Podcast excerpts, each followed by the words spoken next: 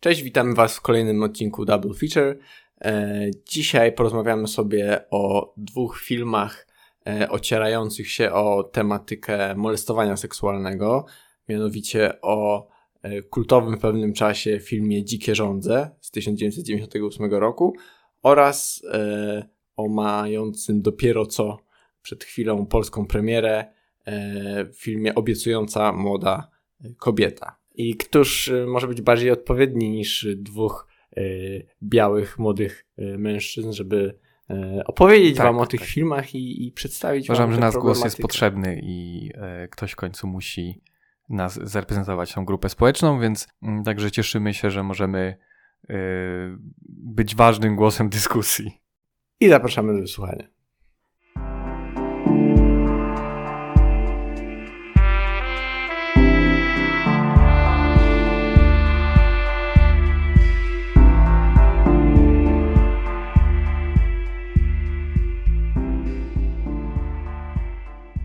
Okay, zacznijmy może od, od dzikich rządzy. E, pójdźmy chronologicznie i też myślę, że będzie nam łatwiej e, jakoś wytłumaczyć dobór mm. tych dwóch filmów mm -hmm. w ten sposób, jako być może jakąś ewolucję troszeczkę w ujmowaniu tego tematu.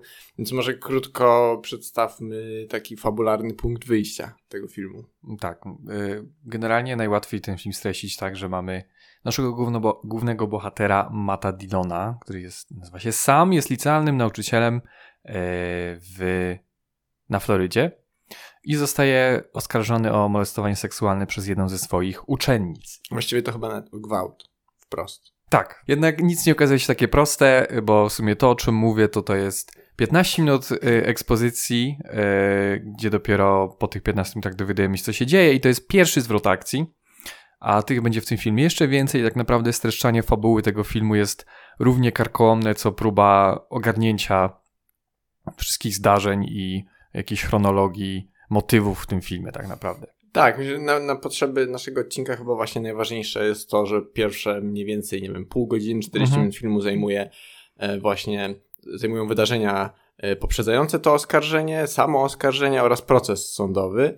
E, ponieważ po tym jak właśnie jedna z uczennic oskarża nauczyciela sama o, o gwałt, do tych oskarżeń dołącza się również e, druga. To znaczy mamy tu tam dwie bohaterki, bogatą, uprzywilejowaną i taką, i takiego społecznego wyrzutka, e, mającą jakąś tam, mającą jakąś historię z narkotykami, więc one tam łączą siły, żeby, żeby oskarżyć tego nauczyciela właśnie o, o przestępstwo seksualne. Natomiast co jest e, niecodzienne w tym filmie, to chyba e, to chyba sposób, w jaki portretowane jest śledztwo e,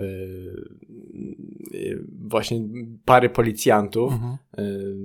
No tak, zacznijmy od tego, że chociaż to brzmi poważnie, to ten film absolutnie poważny nie jest i do żadnej żadnego tematu, który przedstawia, nie podchodzi poważnie, nawet nie próbuje. Chociaż z drugiej strony bym nie powiedział, że to jest jakiś pastisz albo, albo taki otwarty kamp. On trochę puszcza oczko i jest yy, właśnie takim można powiedzieć, że jest takim thrillerem erotycznym, ale jednocześnie ma w sobie sporo z opery mydlanej. Tak, ale jednocześnie czerpie trochę ze stylistyki właśnie tych późnych lat 90. filmów pokroju American Pie. Nie mówię tu o humorze, mhm. prosto, ale, ale ten taki kampusowy vibe te, te postaci takie mocno przerysowane, że właśnie tu mamy bogatą dziewczynę, albo wyrzutka, albo tego przystojniaka i tak dalej. Tak, też jakoś kojarzy mi się z serialami amerykańskimi o młodzieży z, z tego okresu.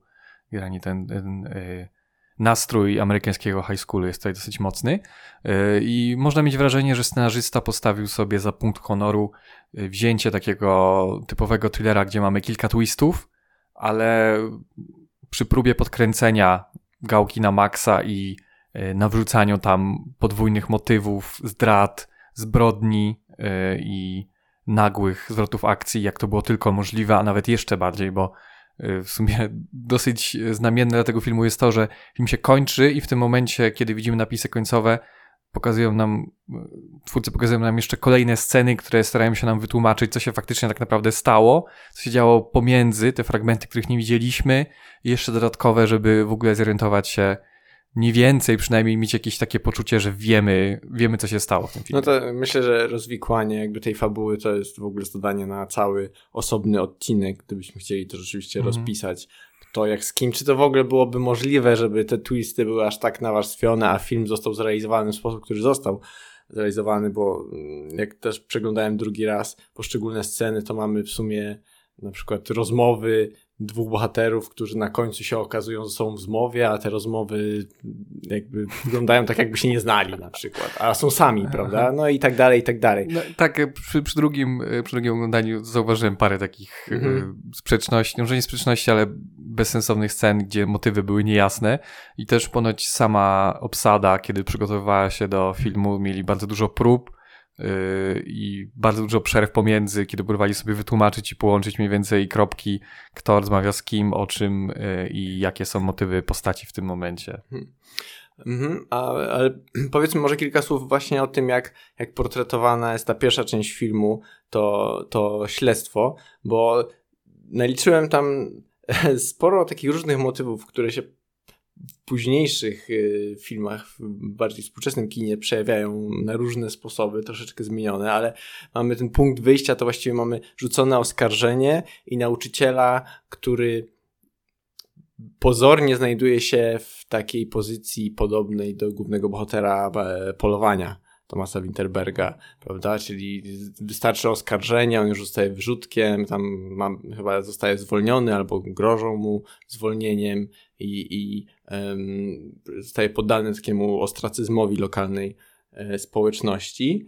E, tylko, że no, nam z poziomu widza brakuje tej y, konkretnej informacji, czy jest winny, czy niewinny, bo nie widzimy właściwie tej sceny. Tak, tak. Wszystko, wszystko jest w domniemaniu. Tak, i w, właściwie w tym momencie do akcji wchodzi para policjantów e, w postaci Kevina Bacona i e, jego partnerki. Niestety nie znam nazwiska tej, e, tej aktorki. Jakże mogło być inaczej w tym podcaście, prawda, tematycznie. E, i tam, co mnie bardzo uderzyło, wydaje mi się, że to jest zagranie, które no absolutnie się nie mieści teraz w głowie, to kiedy oni rozważają właśnie możliwość popełnienia przestępstwa przez, przez tego sama Lombardo, główną postać, graną przez y, Mata Dillona, to właściwie to ta policjantka bierze jego stronę i, i prawie, że za wszelką cenę próbuje udowodnić, że on nie mógłby tego zrobić. On jest przecież taki porządny i właściwie i to, że prowadzi jakiś tam rozwiązły tryb życia, czy nie wiem, jak ona to określa w podobny Mhm. sposób, to jeszcze nie oznacza, że jest predatorem i tak dalej. A Tak, też y, warto dodać, że jak się ogląda ten film zupełnie tak, nie wiedząc co to jest, tak jak my po prostu go wybraliśmy Mhm. na Netflixie, to, to pierwsze pół godziny jest totalnym dysonansem poznawczym, bo on zaczyna się w miarę poważnie, jak taki thriller i tak. y, to, co się tam dzieje, wydaje się dosyć poważne, aż nagle w 25 minucie do filmu wbija Bill Murray, Mhm. który wywraca wszystko do góry nogami i kompletnie trudno się połapać, jakby jaki jest tonalny, tonalny poziom tego filmu. Czy, czy, to, czy to ma być jakaś satyra na to, co się dzieje, czy, yy, czy to ma być głównie zagadka kryminalna, czy to ma być poważne podejście do sprawy. Nie wiadomo w ogóle, co myśleć. Yy, I i właśnie to, o czym mówisz, te wszystkie podejścia do tego, do samego bohatera. Tutaj zrobiłem sobie taką wyliczankę tego w sumie, jak seksualność tego świata się przedstawia, Mhm. bo no istotne jest to, że to jest jednak przede wszystkim erotyczny, erotyczny thriller i on przez ten pryzmat patrzy na ten świat, na swoich bohaterów. Wszyscy są y, maksymalnie seksualizowani, Tak. można tak powiedzieć. E, I właśnie przez ten pryzmat poznajemy ten świat, czyli mamy tego głównego bohatera, który generalnie wydaje się w porządku gościem, tylko po prostu te wszystkie kobiety się do niego przyklejają i on tak naprawdę no, z naszej perspektywy niczego takiego nie robi, prawda? Niczego Mhm. takiego nie widzimy. E, właśnie jedyną osobą, która de facto mm, oskarża tą ofiarę, tak pierwszy, ja- ja- jako pierwszy ogień i pi- pierwszy jasny jest właśnie druga kobieta. Mhm, E, ta mhm. detektyw, która jest specjalistką od przestępstw seksualnych, Tak. żeby, żeby było tego mało. Mm, I, I najbardziej chyba taką przykrą, wydaje mi się, czy tak y, kującą w oczy po tych latach jest y, samo podejście obrony, obrony sama Lombardo, które, które ma na celu przede wszystkim zniszczenie postaci mhm. tej Dyskredytowanie. Tak, dyskredytowanie, ofiar. dokładnie, mhm. dyskredytowanie ofiar, yy, kiedy wyjmują jakieś haki na nie, że a jedna uciekła z domu, nadużywał narkotyków, yy, i, a on jest przykładnym nauczycielem, który w ogóle był nauczycielem roku i wszyscy go kochają, znają go w społeczności i bardzo się odznaczał. Yy, I jeszcze potem są kolejne takie, wydaje mi się, stereotypowe zabiegi próby podważania y, jakichkolwiek no tak, tak, no. oskarżeń, no. czyli chyba dla mnie najbardziej niedorzeczny, y, niedorzeczny argument, który okazuje się w filmie najsilniejszy, bo potem jedna z jedna z potencjalnych ofiar, powiedzmy tak, pęka i, mhm. i, i, zmienia swoją, swoją swój scenariusz, a mianowicie to, że obrońca głównego bohatera mówi, że przecież, przecież ten domniemany gwałciciel był twoim przyjacielem, i po tym wszystkim się z nim kontaktowałaś, więc mhm. jakim sposobem y, on, mógł, on mógł cię skrzywić, mógł cię zgwałcić, mógł zrobić cokolwiek mhm. złego, skoro nie przejawiałaś tego w bezpośredni sposób. I nawet ona się broni w sensowny sposób. To jest najciekawsze, że argumenty, które mu przeciwstawia są racjonalne i trudno się z nim nie zgodzić, że co to ma do rzeczy i tak dalej. Mhm. Y, no ale się okazuje, że, y, że, że, że to jest dowód i że, że to jest racja i wtedy się okazuje, że cała, e, cała ta sprawa z molestowaniem jest tak naprawdę mm, jakąś intrygą, jedną z wielu tak naprawdę. Tak, i... tak. Nastawioną na wymuszenie pieniędzy z ugody. Tak. Prawda? Bo kończy się, że ta część filmu kończy się w ten sposób, że, e, że oskarżony pozywa o, o pomówienie tak. i dostaje sporo odszkodowanie z ugody od rodziców tej bogatej e, domniemanej ofiary. Tak, to co ciekawe, mimo wszystkich tych oskarżeń e, ze strony, e, ze strony poszkodowanej e, w tej, w tej rozprawie, nikt w to nie wierzy, nikt nie wierzy w oskarżenia, ale wystarczy jedno jakieś pęknięcie w tej linii oskarżenia, mhm. żeby absolutnie zdyskredytować wszelkie ich, e, wszelkie ich roszczenia i, e, i twierdzenia. Tak naprawdę automatycznie sprawa zostaje natychmiast tak. rozwiązana i w kuluarach dogadują się dwaj panowie, czyli ojciec tej dziewczyny i, i prawnik, y, kiedy dogadują ugodę, mówią, no to zobaczymy się za tydzień w klubie. No, no, no, dokładnie. Znaczy, to jest taki, taki tak. ciekawy tweet, że i tak o wszystkim na końcu decyduje właśnie dwóch białych mężczyzn, ale, y, ale ta, ta wcześniejsza cała narracja filmu tak, no nie wiadomo do końca po której stronie stoi, ale na pewno nie stoi po stronie ofiar, znaczy nie jest ich w ogóle blisko, znaczy te zeznania dwóch dziewczyn znamy tylko już bezpośrednio albo z nagrań, albo z sali sądowej. Nie widzimy właściwie niczego, mm, co by wskazywało bezpośrednio na ich jakiś mm, stan psychiczny, na, na przeżycia. No, jakby jest, wydaje mi się, że ten, ten wątek molestowania i ataku seksualnego jest bardzo instrumentalnie potraktowany w celu e, po prostu pchnięcia tej intrygi dalej. E, co wydaje się, że 20 lat później e, byłoby już niedopuszczalne, nawet w filmie tak powiedzmy dosyć mocno gatunkowym, że jest to pewien e, brak, niedobór wrażliwości, e, który już chyba, z którego już kino chyba trochę wyewoluowało. Mhm. Między innymi za sprawą całego mitu, ale, ale to, to nie jest aż tak stary film, prawda? No to jest film sprzed 23 lat, a a, a, a w tym względzie zestarzał się naprawdę kiepsko. I... Tak, równie dobrze mógł być w latach 50. tak naprawdę, tak. względem mhm. E, retoryki, która mhm. jest stosowana, ale też samo to, że właśnie to nie jest zbudowane na takich poważnych, yy, poważnych ramach i też nie okazuje się de facto prawdą cała ta mhm. sytuacja. Też yy, filmowi się upiekło i w żaden sposób nikt go tam nie próbował, yy, nie wiem, oskarżać właśnie, wyciągać no, no, no. przed sąd i, i wskazywać palcem zarówno, zarówno przy premierze, jak i też w sumie przy 20 e, lat po premierze, e, czyli w 2018 roku było sporo, dosyć o nim głośno i też miał reedycję przy okazji sequela, bo uwaga, tych kolejnych części powstało aż trzy. Wszystkie prosto na DVD. Kilka lat po, czyli e, rok 2004, 2005 i 2010. I co ciekawe, były to kontynuacje, które no niby były kontynuacjami. Drugi film miał w nazwie 2, po Wild Things 2 e, się nazywał.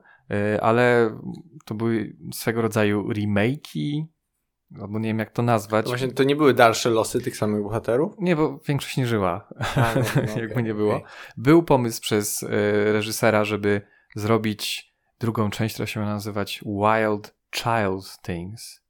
Mhm. I to miała być y, córka bohaterki, która przeżywa film i miała być do tego dokoptowana cała fabuła. Miał ponoć jeszcze jakiś jeden pomysł, ale nic się nie udało, a zrobiono te studyjne. Ktoś nabył po prostu prawa i e, niskobudżetowe produkcje. A podobno powstał też serial telewizyjny.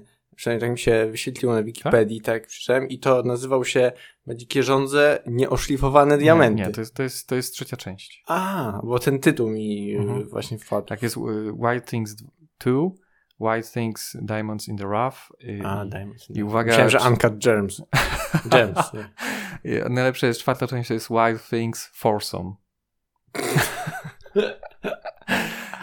Najciekawsze jest to, to, Że, że to jest taki dziwny rodzaj, powiedzmy, remake'u, bo y, część z, tych zawiązań fabularnych jest bardzo podobna, y, ale, ale zawsze się coś nie zgadza, czyli Y, w tej drugiej części na przykład nie mamy w ogóle molestowania seksualnego, jest domniemane zabójstwo.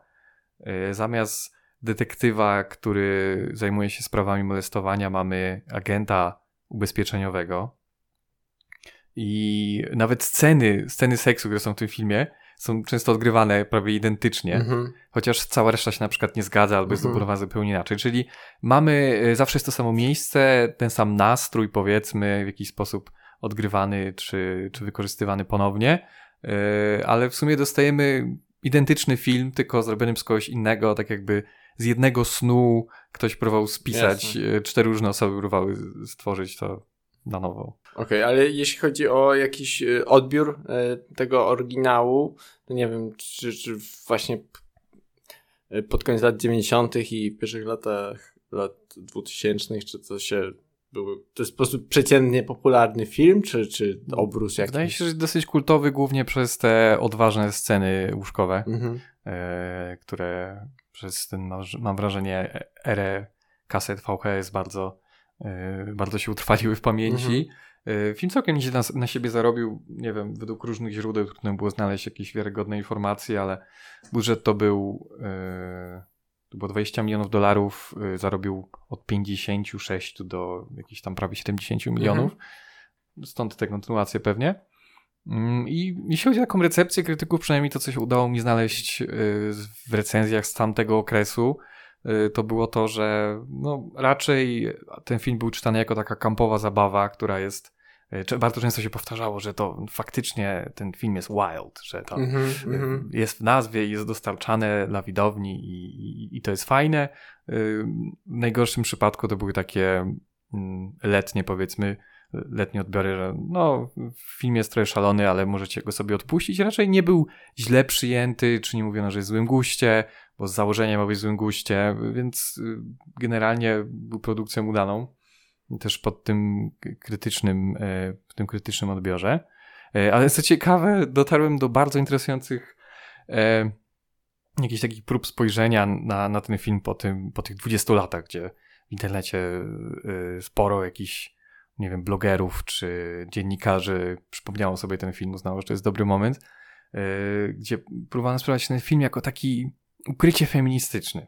Ojej, to, to trzeba straszny salto chyba. Mhm. I, i, I tutaj ta gimnastyka jest, jest niesamowicie zaawansowana, aczkolwiek wydaje mi się, że część tych argumentów yy, no ma jakąś siłę, yy, chociaż nie, nie przekonuje do tezy absolutnie nawet w połowie, ale yy, jest tym jakaś prawda, że jakby na to nie patrzeć, wszystkie te bohaterki, które są w filmie, mm, są bardzo sprawcze.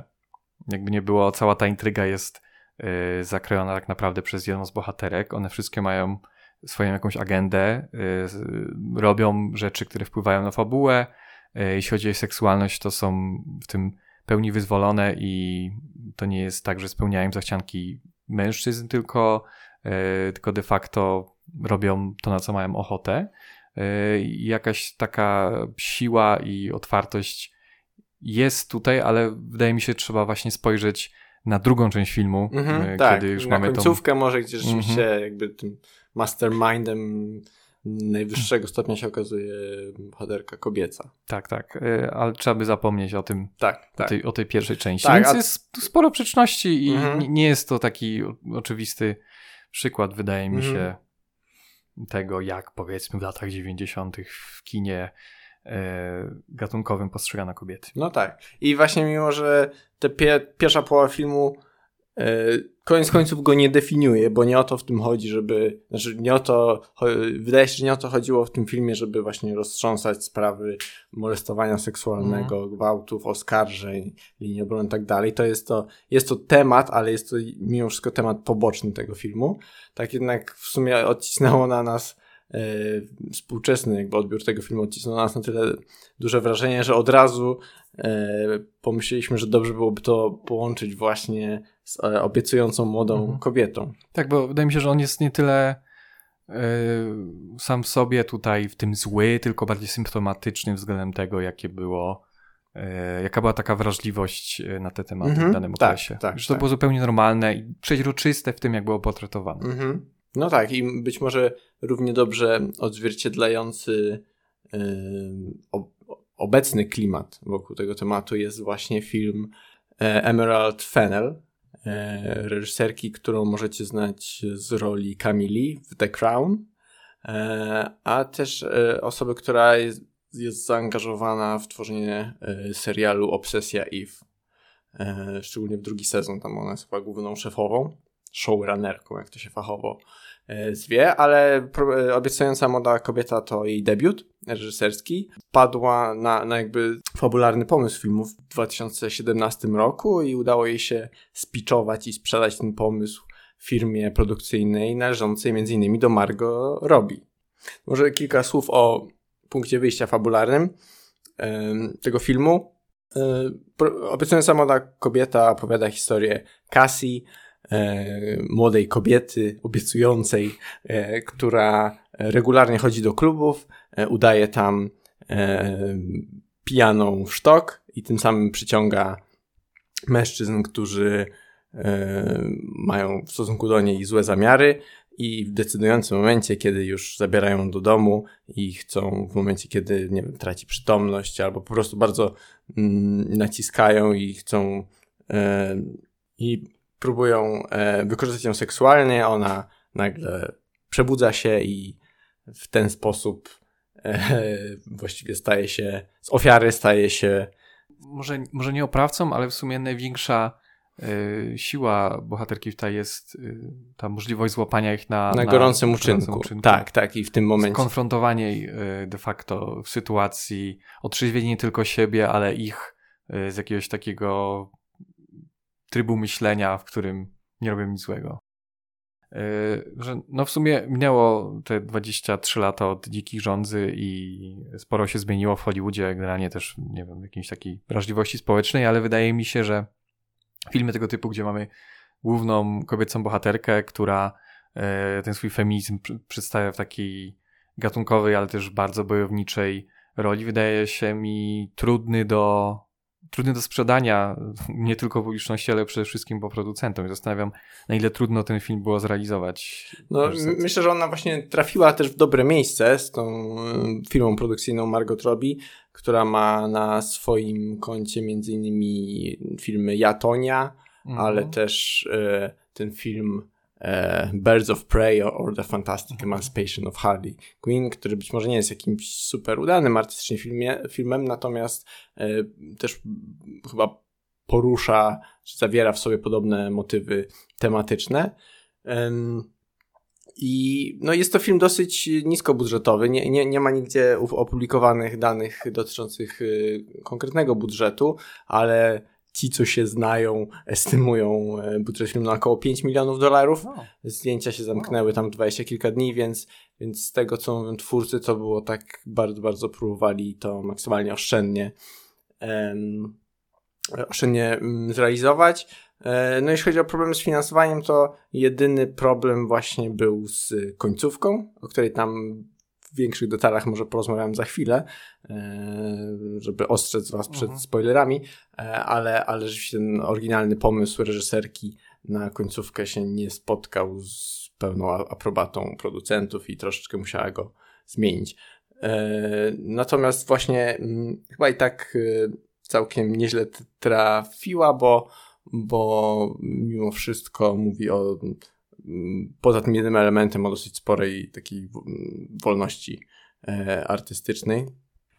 Więc jeśli chodzi o, o, o jakby konieczność sprzedania tego producentom, wyglądało to mniej więcej w ten sposób. Natomiast też jest ciekawe, ciekawy sposób, w jaki film był reklamowany dla szerokiej widowni, bo on często, szczególnie mam wrażenie, że na rynkach zachodnich, e, był tak teasowany jako taki dosyć gatunkowy, być może nawet horror slasher. Znaczy właśnie był eksponowany ten, punkt y, wyjścia, ten pomysł na fabułę, mhm. że, że Kerry Mulligan zabiera swoje tam ofiary do ich domów i ale było sugerowane, że potem robi z nimi coś bardzo krwawego, więc, więc można się było spodziewać um, czegoś bardziej w tym stylu, a jednak film z, y, stylistycznie, ale też, też y, klimatycznie skręca w trochę inną stronę w drugiej części. No i też wydaje się, że już po premierze taką tak bardzo takie mm, emblematyczne dla, dla funkcji, którą ten film pełni aktualnie, jest to, co zadziało się wokół jednej z recenzji tego filmu, wydanej, napisanej um, już ponad rok temu, bo zaraz po jego premierze na festiwalu w Sundance ta recenzja się ukazała, tylko wtedy jakoś przeszła bez echa. Chodzi o recenzję Denisa Harveya dla Variety, e, a konkretnie chodzi o jeden konkretny akapit, bo recenzja cała jest mm, bardzo pozytywna, krytykowi ten film mm, bardzo się spodobał. Wytyka kilka mniejszych rzeczy, ale właśnie jedną e, z rzeczy, która wytyka, jest e, rola Mulligan.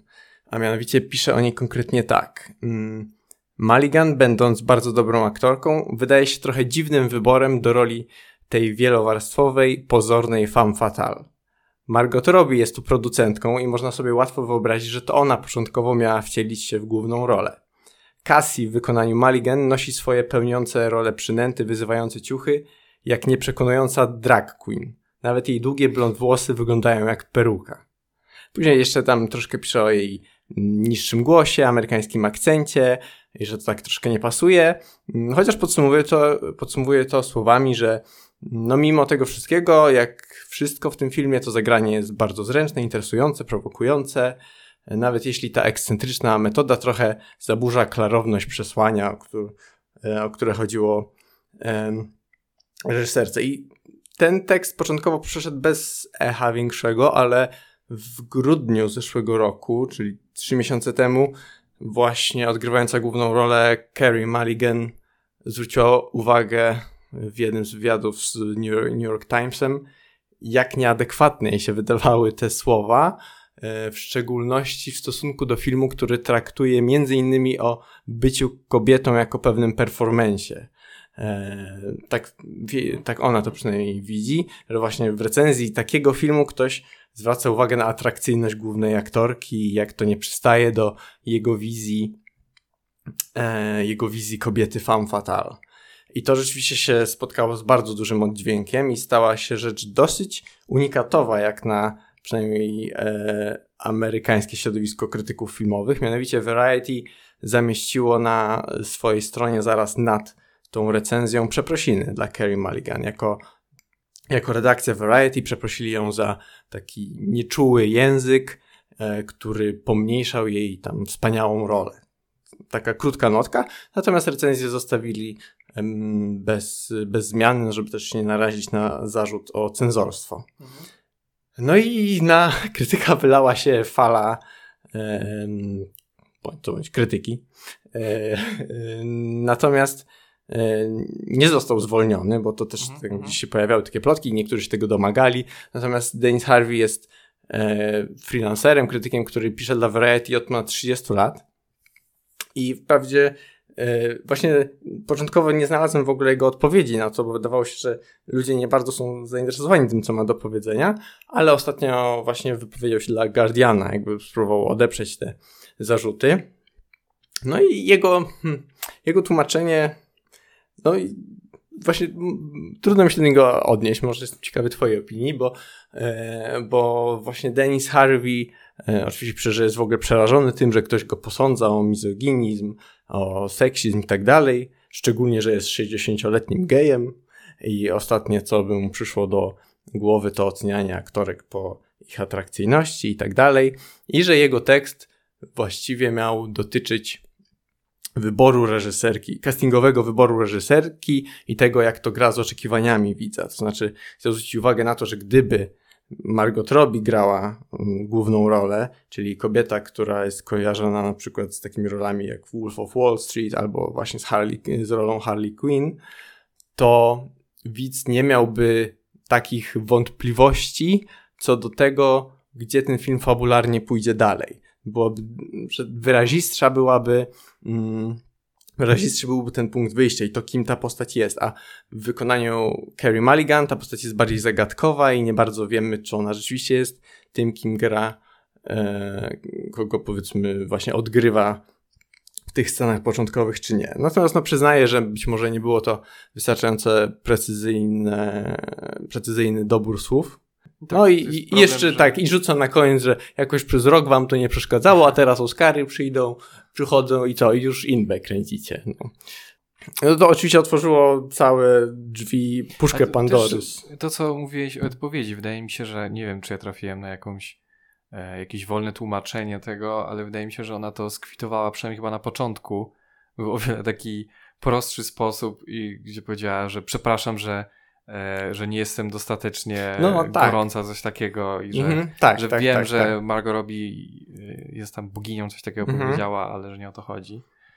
E, tak, bo ona tam kilka razy się do tego odnosiła. Chyba pierwsza reakcja to, to była rzeczywiście taka. Chyba stąd to się wzięło. I też często widziałem te mm, interpretacje tego, co, co on napisał, jako to, że po prostu miał wrażenie, że ta rola była pisana pod Margot Robbie. Mm -hmm, tak, przez tak, tak, tak. Przez to, że jest producentką i że to tam tak. kilka lat ten mm -hmm. pomysł ewoluował. Ale też wydaje mi się dziwne y, to, co on powiedział tak naprawdę. Tak, tak. I takie rzeczywiście, jak się po prostu weźmie bez kontekstu ten mm -hmm. akapit, to, to jednak to jest rzeczywiście pierwsze wrażenie, które człowiek odnosi, że po prostu on komentuje że nie pasuje mu Kerry Mulligan. Tak, i jeśli myślimy w filmie bez tego kontekstu, aktorskiego powiedzmy, bez, bez jakiegoś e, emploi aktorów, to, to, to chyba nie mm. działa, bo nie wiem. Tak. Dla mnie w ogóle najgorsze, że słyszałem o całej tej akcji przed obejrzeniem filmu mhm. i przez to też jakby trudno mi się odnieść, bo od razu jak zobaczyłem Carrie Mulligan na ekranie, to próbowałem ją jakby trochę podświadomie niestety porównywać właśnie do e, jakiegoś takiego obrazu stereotypowego, femme fatale, mhm i tego, czy, czy to było lepsze, czy nie i tak dalej, więc troszkę, troszkę mi tu została taka myśl włożona, e, włożona do głowy, ale e, no jest to... Ale właśnie dla mnie ta nieoczywistość działała przez cały film mhm. e, i to, to, to niejasność tego, gdzie właśnie film zmierza, że nie było od samego początku, kiedy już kończymy z, tym, z tą ekspozycją, którą poznajemy w trailerach i zaczyna się dziać coś innego, to ten film wielokrotnie y, gubi nasze tropy i skręca tak, w różnych tak. kierunkach i tutaj trochę taka ambiwalencja yy, więcej postaci w tej historii, czy ona mm -hmm. faktycznie czy jest fan fatal, czy jest bohaterką komedii romantycznej, czy, yy, czy jest jakimś, jakąś ofiarą tak, yy, czy, czy, czy właśnie jakąś yy, protagonistką w filmie Zemsty, mhm. takim dosyć krwawym powiedzmy, bo rzeczywiście tam też bardzo mnie uderzał rozdźwięk między tymi scenami kolejnymi, w których ona gdzieś łowi kolejne ofiary albo ucieka się do innych, bardziej skomplikowanych podstępów, jak na przykład y, w scenie z Alison Brie, y, czy córką dyrektorki koleżu, do której mhm. chodziła. Y, to dosyć stoi w dużym rozdźwięku na przykład z tym, jak portretowana jest w domu rodzinnym. To jest w ogóle tak dziwna przestrzeń. Nie wiem, czy zwróciłeś na to uwagę, że jej mieszkanie jest takie cukierkowo-różowe, wszystko jest takie mięciutkie, pluszowe i w ogóle te sceny w domu y, też przywiodły mi na myśl tajemnice Silver Lake. Jakby są jakieś takie, są kręcone w bardzo mhm. specyficzny sposób i też nie, troszeczkę się zastanawiałem, na ile to jest właśnie gubienie tropów, jakby zamazywanie tropów przez reżyserkę, na ile tu troszkę chaosu się wdarło? Dla mnie też budowanie jakiegoś zaplecza bohaterki. Przez to mamy interpretować, że była wychowana pod kloszem po prostu mhm. tak długo, że no właśnie, teraz zaczynamy już, y, jak chcemy mówić dalej, to chyba tak, to już trzeba, y, trzeba powiedzieć o spoilerach, tak naprawdę wyłożyć to, co jest istotne, bo istotny jest dla nas tak naprawdę zakończenie i powiedzmy przedostatni twist, które najwięcej zmieniają wydźwięku tej historii, najwięcej się bawią z, z tym gatunkowym kluczem yy, kina, kina zemsty i też komedii romantycznej w sumie. No tak, tak, bo tutaj yy, wydaje mi się, że są jakby takie dwie, dwie płaszczyzny tego, o czym fajnie było powiedzieć. To jedno, jedno to na pewno jest sposób, w jaki mężczyźni są przedstawiani w tym filmie. E, I, oczy I, oczywiście zaczynamy od tych scen, gdzie większość facetów na ekranie to tacy, którzy chcą zrobić krzywdę głównej bohaterce, ale jednocześnie są ogromnymi hipokrytami, e, bo, bo do końca utrzymują, że właściwie to są porządni i to. Tak, właśnie o to chodzi, że nie mamy do czynienia w tym filmie absolutnie e, z żadnym jakimś takim, powiedzmy, gwałcicielem z, z, z jakichś kampanii społecznych, tak. które mają ostrzegać. To są y, normalni, powiedzmy, fajni faceci, którzy mhm. uważają o sobie, że są, e, że są w porządku i że są mili. To nice guy. To jest mhm. taki podstawowy tak. tutaj przymiotnik, który jest rzucany w tym filmie. Tak, no jednak każdy z nich się okazuje e, bardzo podobny, koniec końców, ale w pewnym momencie na scenę wkracza Bo Burnham, którego jak zobaczyłem, to odetchnąłem z ulgą, mówię, o, w końcu będzie ktoś, kto jest po prostu śmieszkiem i pewnie będzie nie wiem, nieśmiały, miły i tak dalej, taki już naprawdę. I prawdzie będzie tylko jeden, ale i tak fajnie, bo w ogóle, no, jakby Bob Burnham musi być e, sweet, e, sweetheart. E, i, I tutaj to jest takie, mm, dobra, bo myślę, że jeżeli już siedzimy we dwóch i rozmawiamy na tematy, na które nie jesteśmy ekspertami, mhm.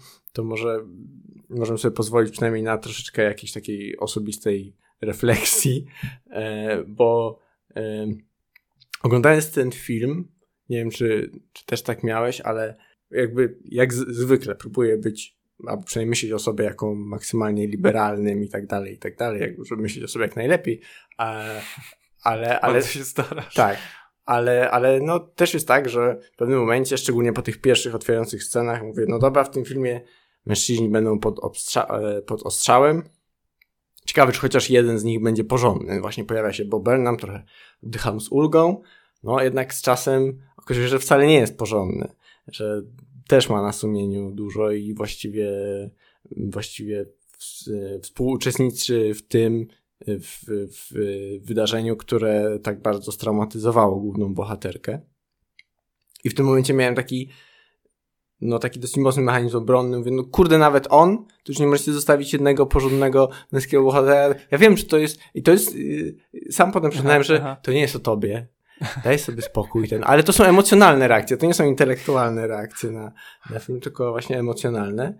Yy, i, i, to było takie mocne ukłucie, ale uważam, że bardzo dobrze jest jakby wymierzona i zbalansowana właśnie wina jakby to, czego właśnie Bob Burnham jest winny. Znaczy, on właściwie aktywnie się do niczego nie przyczynił, natomiast po prostu był pasy pasywnym, powiedzmy, świadkiem gwałtu i nigdzie tego nie zgłosił e, i też chyba nagrywał to i był tego, był po prostu częścią problemu.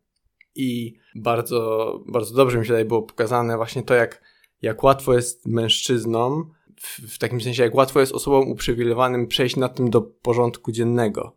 Że nikt nie wyciąga z tego konsekwencji, nikt na to nie zwraca uwagi. Bardzo łatwo jest yy, brak właśnie aktywnego czynienia zła yy, zapomnieć, yy, po prostu strząsnąć siebie i, i dalej uważać się za bardzo szlachetnego człowieka. To mi się wydaje takie główne, mm, główne przesłanie dla męskich widzów, i, i, ale jest to zrealizowane w taki sposób, który zmusza do pewnego rodzaju rachunku sumienia. To znaczy właśnie podważa to początkowe podejście, o ja jestem taki liberalny, tak, fajny. Bo na początku e, film e, wstając z takie ramy, że oglądamy tych facetów, którzy robią ewidentnie mm -hmm. bardzo nie w porządku tak, rzeczy. oni są dupkami. Zasadzie, tak, no, to co robią jest w jakimś takim moralnym, szarym polu, którym y, funkcjonuje jakieś przyzwolenie, że to, co oni robią, jest nawet jakiejś wiedzy społecznej i nie, nie jest tępione. Mhm. I, I potem mamy tego bohatera Bo, Bo Burnhama, którym możemy się uosobić. On jest fajnym tak. facetem i ja właśnie miałem tak najbardziej, że w tym momencie ten związek się rozkręca, była taka fajna komedia romantyczna mhm. i mi się to dobrze oglądało, było tak fajnie. Yy, I, I, potem następuje ta ściana, kiedy się okazuje, że to wszystko jest kłamstwem. Yy, I właśnie tak jak ty, ten moment yy, tego sprawdzenia takiego, że wydawało ci się, że, że, że, że on jest ok i że, że wszystko jest w porządku, więc może ty też robisz coś złego. Dokładnie. Albo może ty też korzystasz na tym, że tak, tak że pewne rzeczy tobie po prostu uchodzą z mhm. racji mhm. swojej pozycji, czy czemuś, co zrobiłeś kiedyś w przeszłości i że jakby to są rzeczy, o których ktoś musi ci przypomnieć. Ale też yy, wracając do tego, co mówiłeś, no nie można zapomnieć o postaci ojca, który w sumie jest tym jednym dobrym facetem mhm. yy, i też yy, co do systemowości tego y, y, tego zapominania tak naprawdę o tej krzywdzie, bo też mamy tutaj kobiety, które uczestniczą w tym, tym wszystkim i yy, całkiem istotną właśnie postać tak. Alison Brie, którą wspomniałeś. Yy, I to bardziej właśnie to systemowa yy, właśnie może w tym filmie to jest ciekawe, że to jest nie tyle systemowa przemoc, co jakieś systemowe przyzwolenie na to, y, to argumentowanie, o którym mówiliśmy w poprzednim filmie, na zasadzie trzeba by zniszczyć karierę na, zasadzie, mhm. na samych oskarżeniach i tak dalej. To się, to się pojawia w bardzo mocnej scenie z dyrektorką szkoły y, uniwersytetu, w którym y, bohaterka y, doświadczyła nie bezpośrednio tego, tej, tej, tej mm, zbrodni. zbrodni. I właśnie też e, wydaje mi się trafiłem na jakiś e, wywiad z samym Bo Burnhamem, który jest chyba najlepszym strzałem tutaj mm -hmm. obsadowym tak. e, do tego filmu, e, gdzie właśnie sam mówił, e, że całość tego filmu jest taką trochę taką przestrogą, takie check your privilege. Mm -hmm. No i, w te, i na pewno te role, e, te role spełnia świetnie. Mm, I wydaje mi się, że to już jakby ten motyw mamy domknięty mniej więcej w dwóch trzecich filmu, właśnie po momencie konfrontacji Cassie e, z jej chłopakiem. To, to, to, to już jest ten taki wake-up call. E, natomiast druga mm, ściana spotyka nas gdzieś 20 minut później, kiedy to właśnie jesteśmy świadkami sceny już prawie finałowej, czyli, czyli główna bohaterka postanawia odwiedzić e, wieczór kawalerski, na którym bawią się faceci, którzy właśnie uczestniczyli w gwałcie na jej przyjaciółce, która później popełniła samobójstwo, żeby dokonać tej finalnej zemsty. Chyba najbardziej wywrotowo, bo już naprawdę spodziewałem się mm, po tej scenie to może teraz będzie ten slasher. Mhm. Może teraz dostaniemy chociaż takie emocjonalne katarzis, powystrzela wszystkich, pozażyna, nie wiem, pobawimy się trochę, zapomnimy o tym, że jesteśmy dupkami, bo, bo prawdziwi y, dupkowie dostali za swoje i tak dalej. Natomiast y, natomiast ten, ten nie tylko nie tylko to rozwiązanie scenariuszowe y, Emerald Fennel, ale sposób w jaki, w jaki kręci tę kluczową scenę, czyli moment, w którym bohaterka Cassie przykuwa do łóżka głównego sprawcę, pod pretekstem robienia mu striptizu, no i ma go w swoich sidłach. I właśnie ten, ten twist w postaci tego, że Al się wyrywa i przez 2,5 minuty dusi ją poduszką. Ta scena trwa? Tak, ta scena trwa 2,5 minuty, jest na jednym ujęciu. Mhm. Właśnie reżyserka mówiła o tym, że pytała swojego teścia, który jest policjantem, ile, ile zajmuje uduszenie osoby. Powiedział, że 2,5 minuty. No mówi, dobra, robimy to 2,5 minuty. E, I w ogóle w tej scenie nie uczestniczyła kaskaderka na miejscu mhm. E, Carrie, tylko, tylko, tylko, że mm, uczestniczyli w niej aktorzy i podobno była bardzo stresująca dla wszystkich producentów, bo no, to, jest, to jest tego rodzaju wyczyn kaskaderski, po którym bardzo trudno poznać, czy coś idzie nie tak. E, także to, to jest najtrudniejsza scena filmu i, i, i mocno dewastująca. Natomiast e, Zaraz potem mamy tę scenę, oczywiście, jak e, oni obaj facet, e, Al i jego najlepszy przyjaciel palą ciało Cassie i to ta scena miała być finalną sceną w zamyśle reżyserki. Oh. Czyli film miał się skończyć w sumie dosyć, znaczy bardzo ponuro. Mm -hmm. e, po prostu po, pokazując, że facet i tak się upiecze. Byłoby to bardzo bolesne. Tak. Na pewno nie, nie byłoby to złe zakończenie, ale, albo, ale bardzo Czyli de facto w tym Rape and Revenge byłoby Rape and Death. Tak, tak, tak. tak. Gdzie było Rape żadnego, i, że, i tak ci nie Mhm. wyjdzie, bo i tak faceci e, wezmą górę. E, no natomiast tu właśnie producenci powiedzą, że no, bardzo chcą sfinansować ten film, ale to jest za, za ponure, musi coś Mhm. wymyślić. I, I w sumie ten, ten finalny myk jest taki trochę przekręcony w drugą stronę. On już jest taki Mhm, bardzo...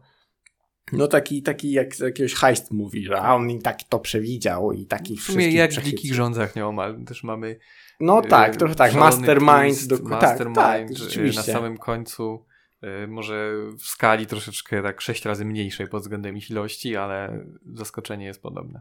Mm, Tak, i, mm, i też chyba wokół tego zakończenia najwięcej zarzutów jest adresowanych pod względem tego filmu.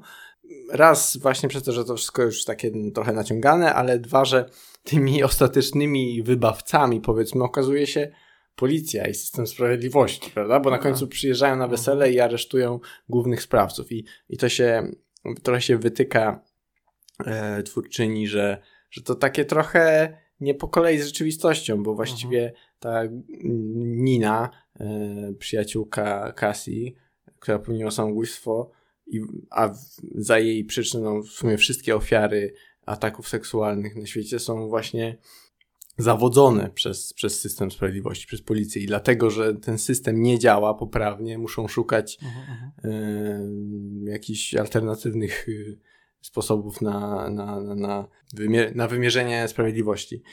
Ale w sumie e, jakby broniąc film, on chyba właśnie znajduje ten alternatywny sposób, czyli zmienia zbrodnie de facto, bo Mhm. kiedy, kiedy główni zbrodniarze de facto są na końcu filmu aresztowani przez policję, to nie za gwałt, tylko za zbrodnię. Za- no tak, za zbrodnie. Troszeczkę innym tutaj Tak, ale to, to jest z kolei e, kolejny zarzut, Mhm. bo w sumie się mówi, że tak, gdyby to brać zupełnie realistycznie, to ten morderca by się wybronił obroną konieczną. Tak naprawdę, tak, gdyby brać tylko te sceny, mhm. został przykuty do łóżka i tam jakiś nóż się pojawił, czy skalpel, no i jak mu się udało, no to zabił ten. Ale- zwłok. No to już trochę grubo, ale no powiedzmy przynajmniej nie dostałby bardzo dużego wyroku. Aha. Yy, Natomiast na to ja bym powiedział, że no dobra, jest cały ten motyw filmiku, który trafia do prawnika, filmiku z, z momentu gwałtu. Mhm. Chyba na podstawie filmiku też można by wytoczyć cały proces i, i po prostu skazać ich wszystkich za gwałt. Więc w sumie dziwię się, że, że to nie zostało jakoś wykorzystane, bo czy, czy, czy on... To jest dla mnie... Też bezproblematyczne i pod względem, nie wiem jak jest z dowodami w sumie.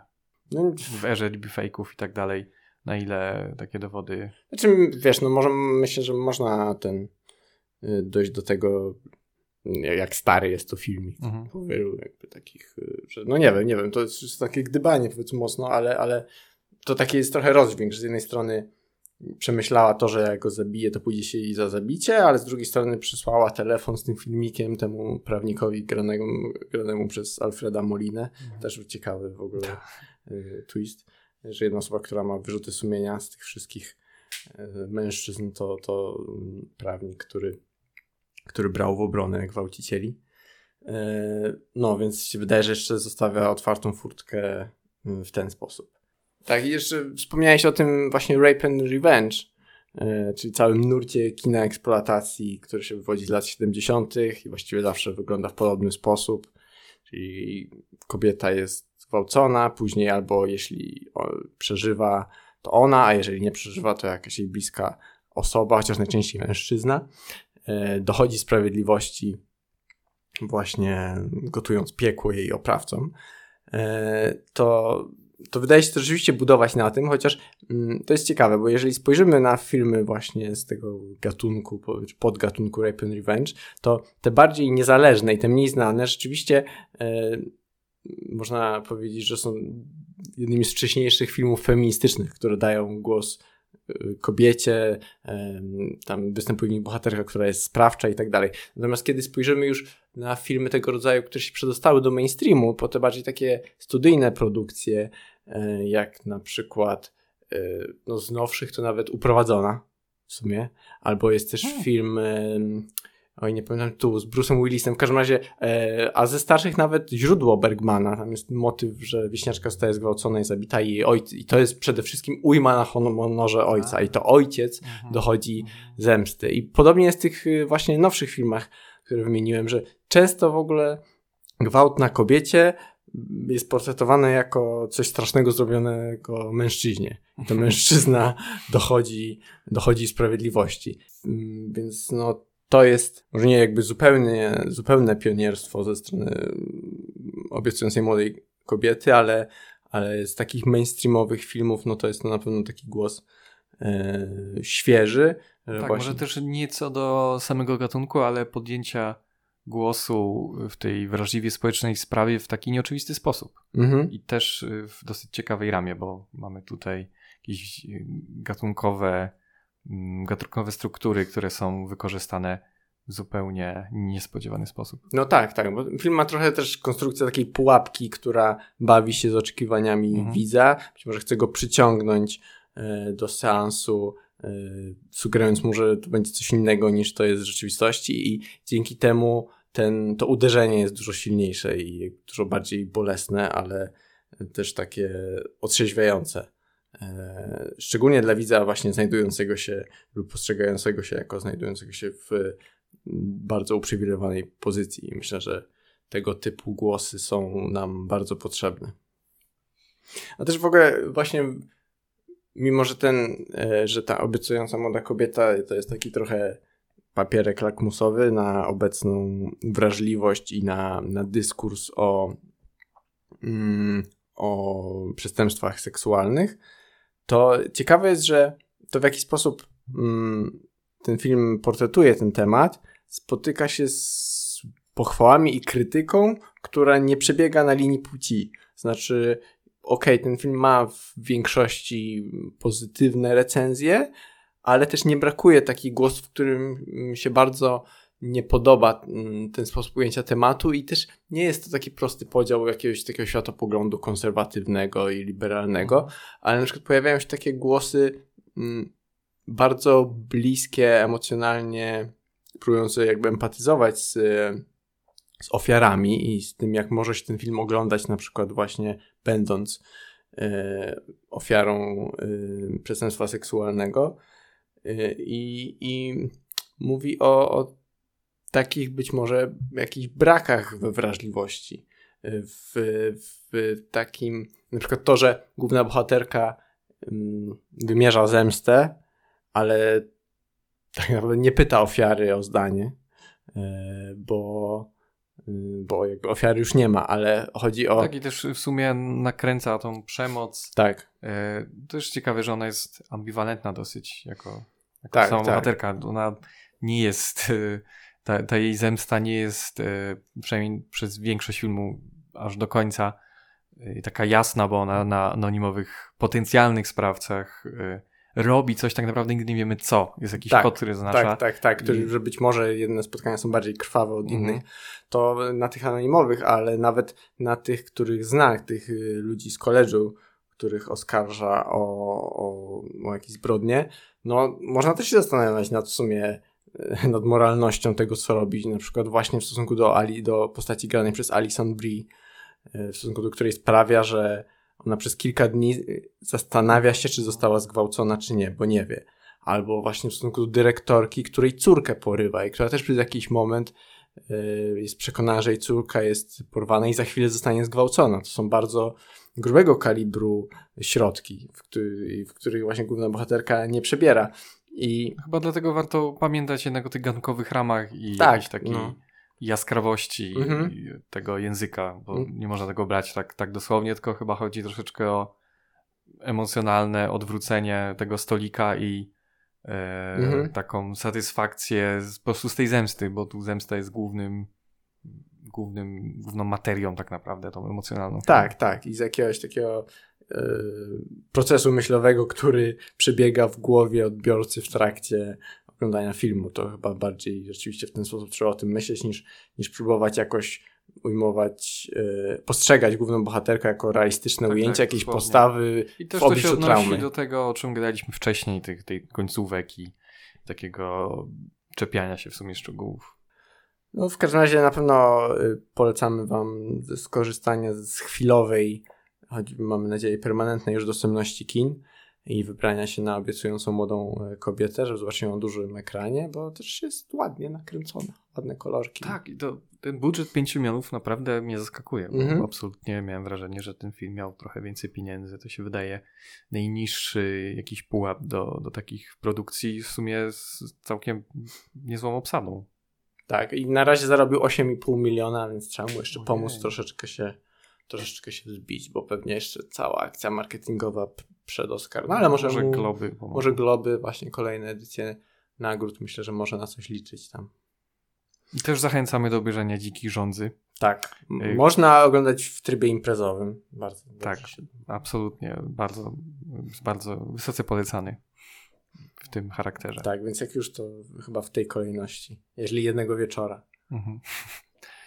Okej, to tak, zapraszamy do kin, e, zapraszamy też na nas- nasz fanpage na Facebooku, gdzie będziemy wrzucać e, jakieś ciekawostki, które się nie zmieściły tutaj e, i też jakieś bardziej rozrywkowe rzeczy i do kolejnych odcinków i też poprzednich. Dzięki.